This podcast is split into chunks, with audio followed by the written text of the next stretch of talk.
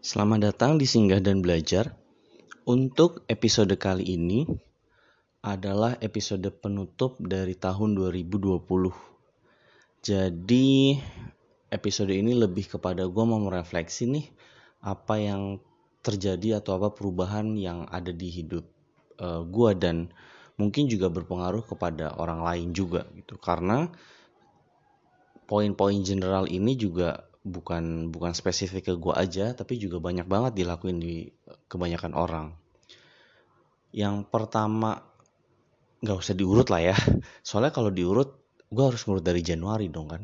Itu gue harus flashback Januari kayak rewind gitu. Cuma ini nggak rewind sih. Jadi di 2020 ini adalah tahun yang menurut gue salah satu tahun yang sangat punya keunikan luar biasa yang sangat kompleks, yang sangat rumit, yang bercampur aduk semuanya tuh ada kayak gado-gado gitu. Memang kerasa marah, rasa kecewa, rasa sedih, senang, bahagia, itu semua tuh ada semua di sini. Dan gue yakin sih nggak cuma gue doang yang merasakan kayak gini tapi juga lo akan merasakan hal yang sama. Karena 2020 ini yaitu tadi gitu adalah menurut gue tahun yang sangat unik banyak banget kejadian-kejadian entah tertimpa ke lo atau ke keluarga lo atau bahkan ke orang lain yang mempunyai efek ke lo gitu. Salah satunya, oke okay, gue akan coba mulai dari yang uh, satu poin ini nih, bahwa lo baru akan merasa kehilangan ketika orang itu sudah tiada gitu. Dan baik itu dari keluarga lo, sahabat lo ataupun orang yang lo idol idolakan. Ngomong gue jadi berantakan. Yang lo idolakan. Di Indonesia salah duanya kita kehilangan Glenn Fredly dan uh, Didi Kempot. Dua orang yang punya karya di bidang musik yang sangat sangat sangat luar biasa. Bukan hanya itu orang-orang ini juga adalah orang yang memberikan inspirasi. Dan gue yakin kalau gue meminta lo untuk menyebutkan siapa aja orang yang memberikan inspirasi yang ternyata lo kaget. Orang itu sudah harus tiada di tahun ini lo pasti punya banyak nama. Baik itu yang terkenal maupun di lingkungan lo dan bahkan yang cukup menyedihkan adalah sekarang kan zamannya sosial media banyak banget yang mulai diupload yang menyedihkan adalah ketika ketika orang itu masih ada di sekitar lo lo kesulitan untuk mengungkapkan perasaan. Lo nggak bisa mengungkapkan itu dengan kata-kata gitu. But tapi lo melakukan itu dengan tindakan. Cuma ketika orang itu sudah pergi lo sangat berharap kalau seandainya orang itu masih ada orang itu masih uh, hidup dan gue diberikan kesempatan gue akan mengucapkan sesuatu gitu. Dan ya itu gitu kehilangan itu baru baru kerasa banget setelah orang itu tiada gitu. Nggak usah terlalu bersedih di poin yang tadi ya. Gue mau lanjut lagi sih poin yang lain dan poin yang lain adalah paling kerasa banget itu juga efek dari virus corona virus coronavirus. Virus corona ini COVID-19 dari awal tahun sampai akhir tahun bahkan nggak tahu sampai kapan sampai vaksinasinya selesai baru mungkin akan terhandle belum lagi mutasi yang baru jadi coronavirus ini yang akan menjadi highlight gue dan kenapa karena memberikan banyak sekali pelajaran buat gue pribadi dan gue yakin buat lu juga tentang banyak hal. Yang pertama adalah yang awalnya kita pikir hal-hal normal biasa dilakukan ternyata sekarang udah nggak udah nggak sama. Semuanya banyak hal yang jadi dibatasi. Contohnya adalah sebuah pertemuan yang mungkin menurut lo biasa aja nggak ada feelnya. Ketika lo nongkrong sama teman-teman lo setiap sabtu minggu atau uh, Sabtu Minggu yang lo ngekos di suatu daerah satu minggu lu bisa pulang atau sebulan sekali lo pulang ke rumah uh, keluarga lo gitu ya.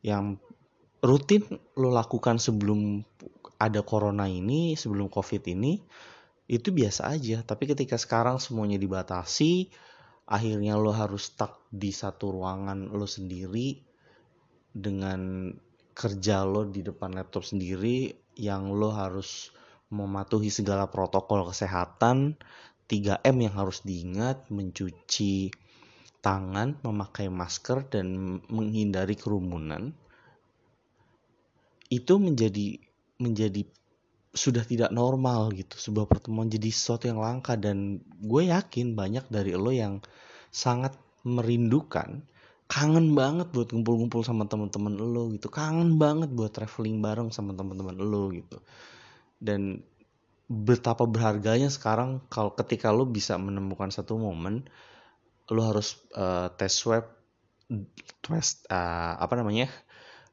swab PCR, swab antigen itulah untuk lo bisa pergi sama-sama teman-teman lo. Begitu pulang juga lo harus swab lagi dan segala macam prosedur lo lakukan demi untuk bisa lo berkumpul sama keluarga lo. Dan that is so precious menurut gue sih. Itu sangat-sangat berharga sih. Menurut gue itu yang pertama yang yang sangat kerasa di uh, kejadian COVID-19 ini. Yang selanjutnya adalah yang gue lihat, yang gue observe itu adalah berkumpul bersama keluarga itu adalah hal yang ternyata banyak sekali orang jarang lakukan gitu. Ya, sebagai contoh orang yang biasa kerja di kantoran uh, atau kesibukan lo deh kesibukan lo yang harus mencari nafkah keluar lu berangkat subuh pulang malam lu berangkat subuh pulang malam seperti itu yang waktu lo baru ada ketika lo Sabtu dan Minggu. Itu pun kalau lo Sabtu Minggu libur. Kalau Sabtu Minggu lo kerja atau lo harus dinas ke mana ya udah gitu. Dengan teknologi video call. Tapi ketika COVID ini terjadi memaksa lo harus kerja dari rumah yang akhirnya positifnya adalah lo bisa berkumpul dengan keluarga 24 kali 7 walaupun posisinya adalah lo harus kerja tapi ketika break lo bisa menyapa orang di rumah lo bisa menyapa keluarga lo kalau sudah berkeluarga istri suami atau anak lo jadinya kerasa banget gitu kalau yang tadinya jarang banget berkumpul, sering berkumpul sama keluarga, akhirnya sekarang berkumpul. Dan kalau lo perhatikan banyak banget kok. Kalau di TV ya, di talk show ketika artis dipanggil selebriti itu mereka diundang bicara dampaknya salah satunya adalah sekarang jadi lebih banyak berkumpul dengan keluarga di rumah gitu. Yang menurut gue, oh mereka berarti sibuk banget dong dan banyak orang di sana di luar sana yang seperti itu gitu. jadi keluarga ini berkumpul dengan keluarga adalah salah satu momen yang yang positif yang bisa diambil dari kejadian COVID-19 sih. Lalu selanjutnya adalah yang pasti tentang kesehatan. Banyak banget orang yang jadi lebih peduli tentang dirinya, tentang kesehatan orang lain, tentang kesehatan keluarganya, gimana lo sekarang lebih aware lebih rajin mencuci tangan, ke mana-mana pakai masker, Sabtu Minggu lo sempatkan untuk berolahraga, yang mungkin lo adalah geng ikut-ikutan. Ketika sepeda lagi hype, sepeda lipat atau orang bersepeda, olahraga sepeda jadi naik drastis banget, lo adalah orang ikut-ikutan. Tapi ketika lo bisa memaintain, akhirnya efeknya akan terasa di lo juga kesehatannya gitu dan ini menurut gue baik banget itu yang tidak baik adalah kalau lo berolahraga rame-rame sama temen setelah itu lo kumpul-kumpul itu yang harusnya dihindari ingat 3M salah satu dari 3M adalah menghindari kerumunan atau keramaian itu yang harus dihindari karena ada aja orang yang udah berolahraga tapi ketika dites jadinya positif. Kenapa? Karena ketika olahraga dia nggak langsung pulang, tapi masih harus eh nggak bukan harus tapi menyempatkan untuk kumpul-kumpul dulu nih gitu. Kongko-kongko gitu ya. Habis olahraga capek ngopi-ngopi bareng kayak gitu-gitu. Nah itu yang harus dihindari. Tapi yang gue salut adalah ya itu tadi tentang kesehatan. Kita jadi lebih aware tentang kesehatan kita. Yang lo yang tadinya di rumah nggak pernah berjemur sekarang jadi berjemur 10 sampai 15 menit mau jam 7 jam 7 belum keluar mataharinya sih. Belum kerasa jam 8 jam 9 atau jam 10 itu masing-masing ada ada nilainya uh, apa yang akan lo dapat ke tubuh lo. Terus juga lo jadi lebih rajin minum vitamin misalnya vitamin C mengkonsumsi multivitamin secara rutin mengkonsumsi buah-buahan lebih rutin mengkonsumsi mungkin madu lebih rutin makan sayuran lebih banyak. Karena semua yang lo lakukan adalah bentuk uh, apa namanya ikhtiar uh, apa bentuk persiapan lo gitu bentuk keseriusan lo untuk gue nggak mau sampai tertular covid-19 karena covid-19 ini walaupun lo tidak ada gejala bahkan jadi jauh lebih berbahaya ketika lo merasa sehat tapi ternyata lo adalah pembawa yang bisa menularkan ke orang lain gitu makanya banyak banget orang yang gue nggak mau harus sampai tertular. Mau itu gue punya gejala atau nggak gejala gue harus sehat gue harus selalu negatif ketika dites. So that means that I am okay. Dengan gue bersikap seperti ini maka itu bukan hanya melindungi gue tapi melindungi orang di circle gue di sekitaran gue dan menurut gue sebagai uh, gue untuk yang beragama mempunyai kepercayaan hal seperti itu adalah menurut gue adalah sebuah pahala gitu ya. Lo melakukan sebuah kebaikan bukan hanya untuk lo tapi juga untuk orang lain. Dan itu adalah hal yang sangat mahal. Attitude yang seperti itu adalah attitude yang sangat mahal. Selanjutnya poin selanjutnya nih yang mau gue angkat merefleksikan tahun 2020 sebagai pembelajaran terutama untuk gue pribadi adalah rasa gotong royong, tolong menolong solidaritas itu jauh sekali meningkatnya. Efek dari COVID-19 banyak orang di PHK, kehilangan pekerjaan, banyak orang yang akhirnya berjualan untuk menambah atau untuk uh, apa mencari nafkah gitu. Dan banyak banget orang yang putus asa mengiklankan di sana sini yang akhirnya kita pun membantu mereka gitu. Kita membantu sebenarnya sih nggak beli nggak apa-apa tapi karena niat kita membantu membantu mereka membeli barang dagangannya yang pasti nantinya di situ akan ada profit yang diambil untuk menjadi nafkah keluarganya keluar atau nafkah dia itulah yang banyak banget dilakukan oleh orang itu. Banyak banget orang yang peduli. Nggak nggak tahu dia siapa tapi gue akan menolong. Dan itu menurut gue ini adalah juga sebuah sikap perilaku yang nilainya juga jadi sangat mahal gitu. Membuat lo menjadi lebih aware menjadi lebih sadar bahwa di luar sana banyak orang yang membutuhkan bantuan kita membutuhkan dalam segi materi kita, membutuhkan dalam segi tenaga kita, pikiran kita, atau bahkan minimal doa kita gitu. Dengan kita mendoakan mereka aja itu sebenarnya sudah hal yang baik. Apalagi lo bisa membantu mereka dengan hal yang lain. Jadi rasa kepeduliannya ini menjadi sangat-sangat tinggi dan gue percaya kalau lo melakukan ini dengan ikhlas, dengan ketulusan lo berbuat baik kepada mereka, gue yakin ini akan menjadi hal yang merekat ke lo, yang akan merubah sudut pandang lo melihat suatu hal. Yang ini gue menjadi salut banget sih banyak orang yang dengan segala keterbatasannya mereka masih mau menyumbang, mereka masih mau membeli dagangan temennya, mereka mau membeli makanan berpak-pak ber, berbungkus-bungkus yang lalu dibagikan ke orang yang bekerja di pinggir uh, yang berada di jalan-jalan gitu ya. Baik itu yang bersih-bersih pengangkut sampah dan lain-lain.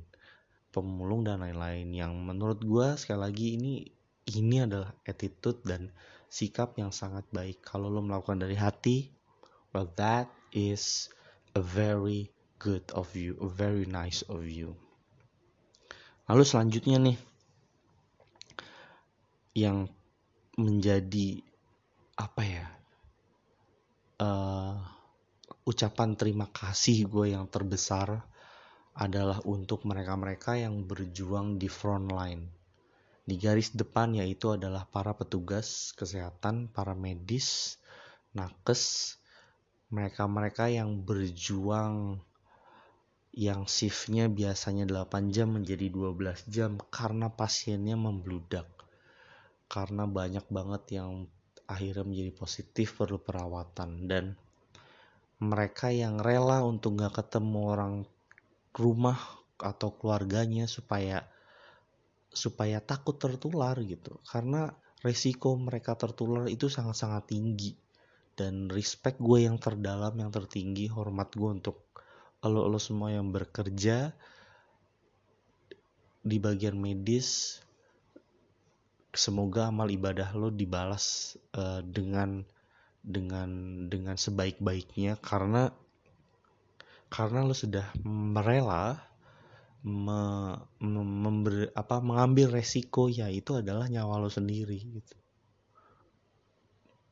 Banyak banget kan dokter yang sudah gugur akibat seperti ini gitu. Jadi untuk lo yang bukan bekerja di bidang nakes, uh, yang tidak di front line, please, yuk kita bantu mereka dengan kita menjaga diri kita sendiri. Sebisa mungkin jangan pernah meremehkan.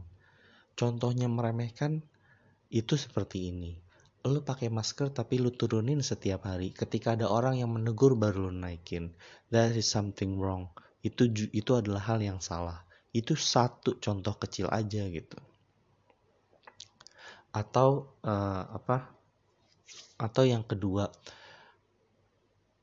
lo pakai masker setiap saat, lo rajin cuci tangan, tapi lo sering ngumpul sama teman-teman lo, ketika lo ngumpul sama teman-teman lo, ya udah gitu jarang nggak dijaga, main tos-tos sana sini, akhirnya virusnya dapat tertular dengan mudah. Itu juga adalah hal yang perlu sangat-sangat dihindari. Tolonglah. Banyak mereka yang pejuang kita ini di medis ini mereka berjuang mati-matian gitu. Masa kita harus meremehkan sih gitu. terutama untuk lo yang meremehkan COVID-19 ya. Please tanyalah mereka yang di front line seberapa berbahayanya COVID-19 ini gitu. Lanjut. Yang lain. Poin lain yang juga kelihatan adalah orang menjadi memaksakan atau memaksakan dirinya untuk berinovasi, memaksakan dirinya untuk berkembang dengan pola pikir adalah gimana caranya gue harus bisa bertahan hidup. Akhirnya banyak orang yang mengambil jalan ya udah jualan atau bisnis gitu. Dan gak sembarang bisnis karena bisnis yang pada umumnya itu kan ada yang konvensional banyak banget yang offline. Tapi dengan kejadian seperti ini diberlakukan jam malam dan lain-lain membuat lo harus berpikir bisnis dengan teknologi dengan online itu seperti apa gitu. Yang akhirnya membuat lo menjadi belajar. Ini bukan hanya individu tapi juga ke perusahaan. Perusahaan mau tidak mau harus beradaptasi dengan cepat supaya kerjanya menjadi efisien dan efektif gimana caranya supaya tetap bisa produktif sambil peralihan menggunakan teknologi yang gue yakin banget banyak orang yang belajar dari YouTube, sosial media dan lain-lain menggunakan platform-platform yang dia bisa. Contohnya, lu berjualan di toko online, Tokopedia, Shopee, Lazada dan lain-lain. Lu jualan di Instagram, di TikTok. Lu menggunakan platform itu untuk marketing juga bisa.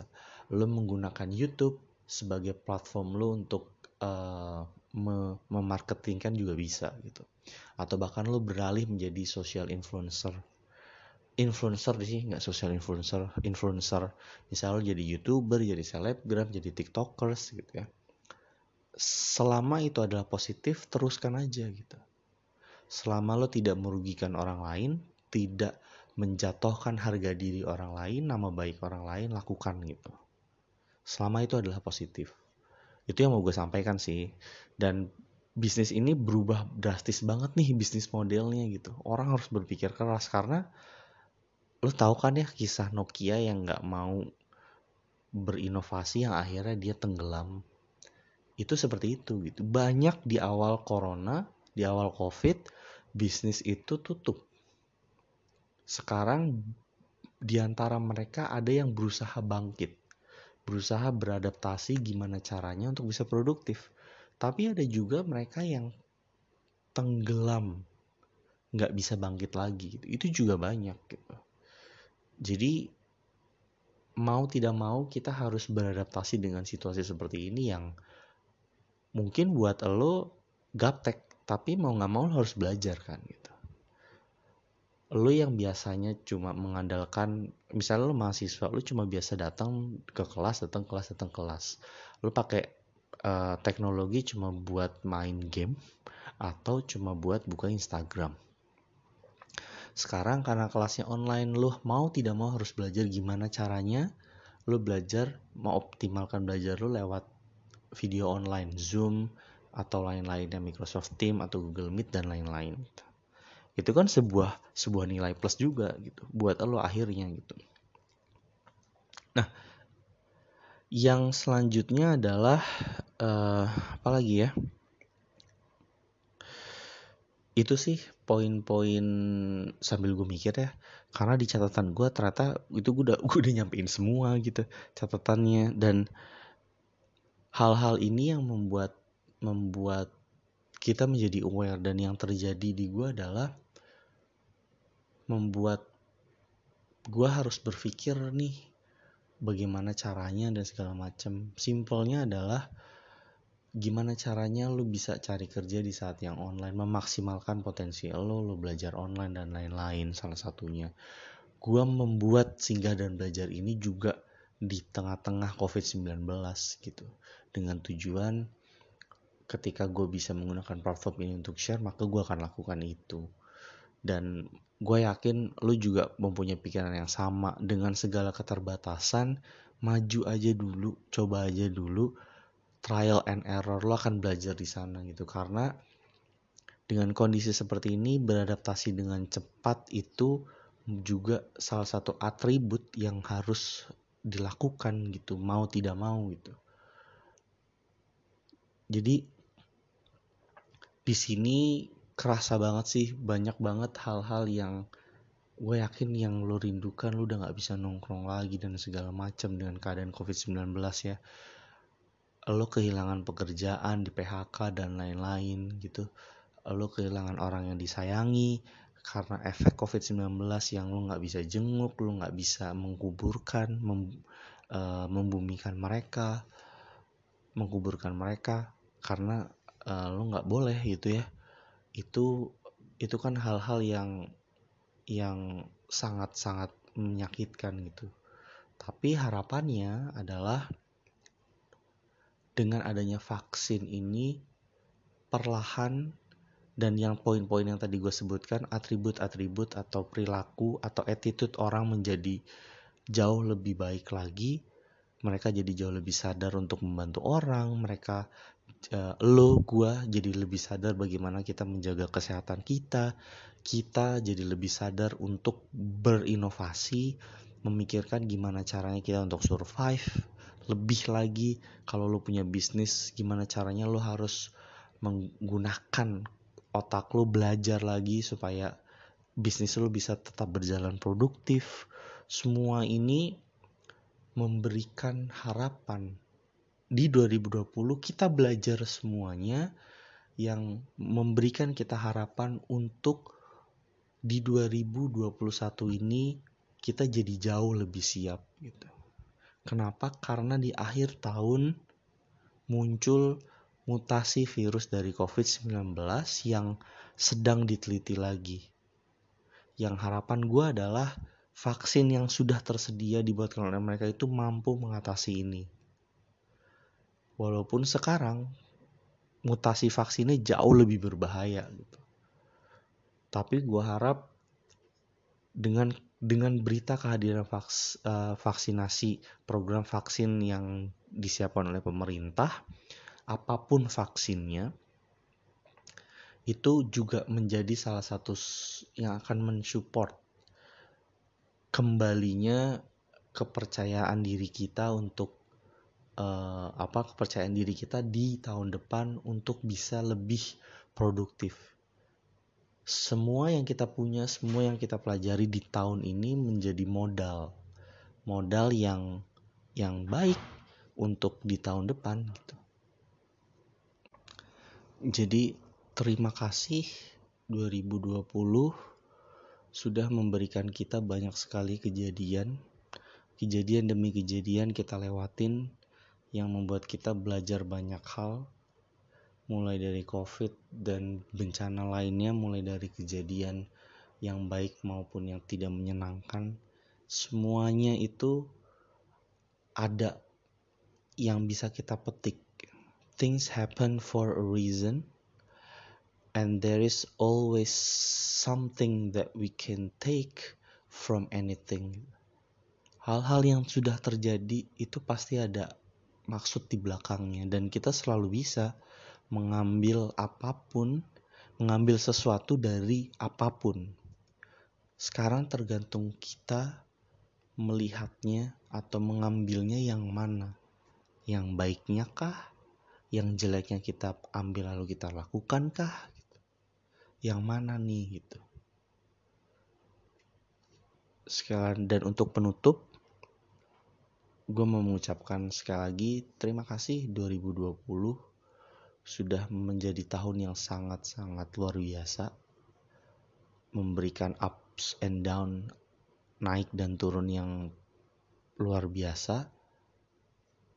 Semoga yang terjadi ini memberikan kita kekuatan memberikan kita keyakinan untuk menjalani di 2021 dengan segala yang kita rencanakan dengan segala yang kita siapkan menjadi jauh lebih berani untuk melangkah menjadikan kita jadi jauh lebih siap untuk menghantam apa pun itu. Dan tetap ingat protokol kesehatan harus selalu dilakukan sampai bencana alam luar biasa COVID-19 ini yang melanda di banyak seluruh dunia itu terkendali dengan sangat baik.